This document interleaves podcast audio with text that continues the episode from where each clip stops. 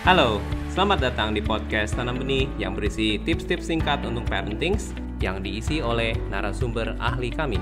Ingatlah untuk follow dan enjoy.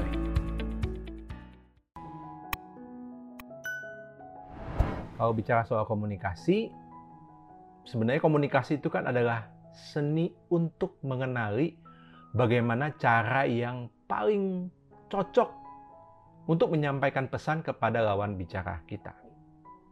Kalau ini soal anak, ya lawan bicaranya kan anak ya.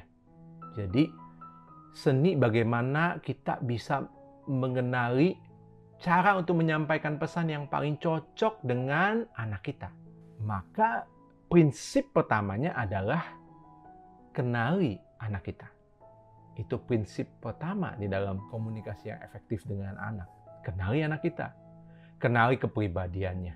Dia itu kalau diberikan informasi atau diberikan instruksi misalnya, itu gaya responnya kayak apa sih?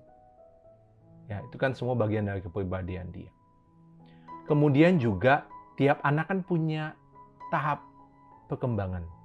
Tiap tahap perkembangan usia punya karakteristiknya sendiri. Jadi, kita perlu mengenali karakteristik anak kita sesuai dengan tahap usianya.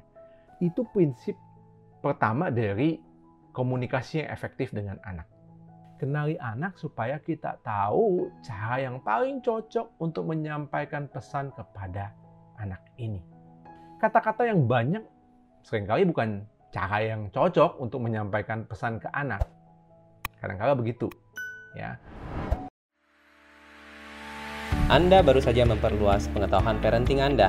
Follow podcast Tanah Benih di Spotify untuk terus mendapatkan update pengetahuan parenting. Mari bersama-sama menjadi orang tua yang lebih baik untuk generasi bangsa yang lebih baik.